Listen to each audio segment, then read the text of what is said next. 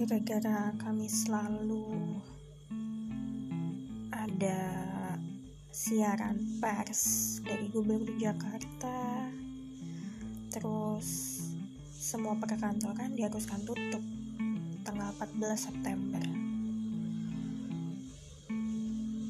Gubernurnya sih bilang bakal PSBB total seperti awal.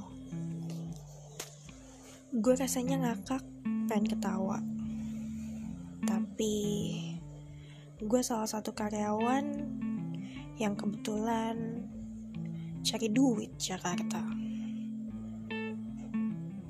Kalau dibilang gue sedih, enggak. Dibilang seneng, enggak juga. Lebih kebingung aja.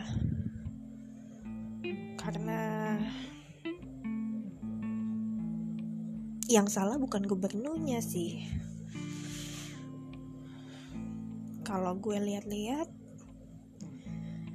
ya gimana ya? Orang-orang di luaran masih pada berani kumpul-kumpul. Gak pakai masker. Terus nggak peduli juga sama lingkungan sekitarnya. Mereka bisa loh batuk-batuk bersin-bersin depan orang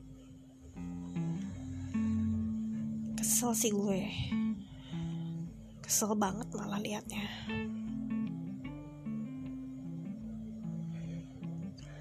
Mereka bilang ya kalau mati ya mati aja. Ya maksud gue nggak kayak gitu juga malih. Lo kalau mati ya mati aja sendiri. Nggak usah nyebar-nyebar juga penyakitnya ke orang lain. Ya gue kan maunya ngejaga buat diri gue sendiri ya tapi bukan berarti lo gak peduli sama orang lain banci. Kadang kesel deh gue. Pengen gue degungin palanya kalau nggak dosa. Susah. Sekarang satpol pp diadain. Mereka bukan takut karena sadar tapi ya mereka takut karena disuruh bayar. Kalau enggak mereka takut karena malu disuruh nyapu. Tolol emang tingkat kesadarannya tuh masih rendah banget.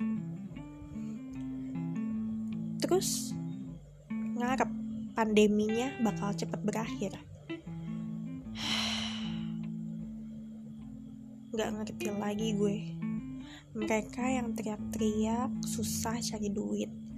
Mereka yang teriak-teriak ekonomi nggak jalan. Tapi mereka dikasih tahu buat pakai masker aja susahnya minta ampun. Kan bego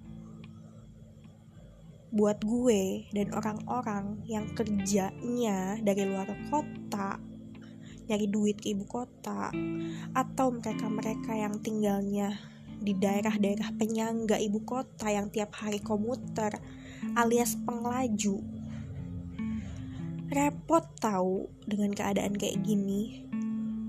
Terus kalau misalnya WFH emang bakalan pure WFH teh kucing lah gak semua perusahaan menerapkan protokol seperti yang dianjurin sama pemerintah. Kita diwajibkan work from home. Halah, kalau misalnya ada sesuatu yang diperluin, kita juga harus standby. Sama aja bohong. Terus, kalau misalnya kayak gitu, harusnya kantor nyediain uang lebih dong. Karena apa? Kendaraan umum kan terbatas ya kan? Ya harusnya. Entah itu jemputan atau mungkin ya kompensasi lah untuk transportasi yang harus kita keluarin lebih buat menuju dan balik dari kantor. Nyatanya nggak ada.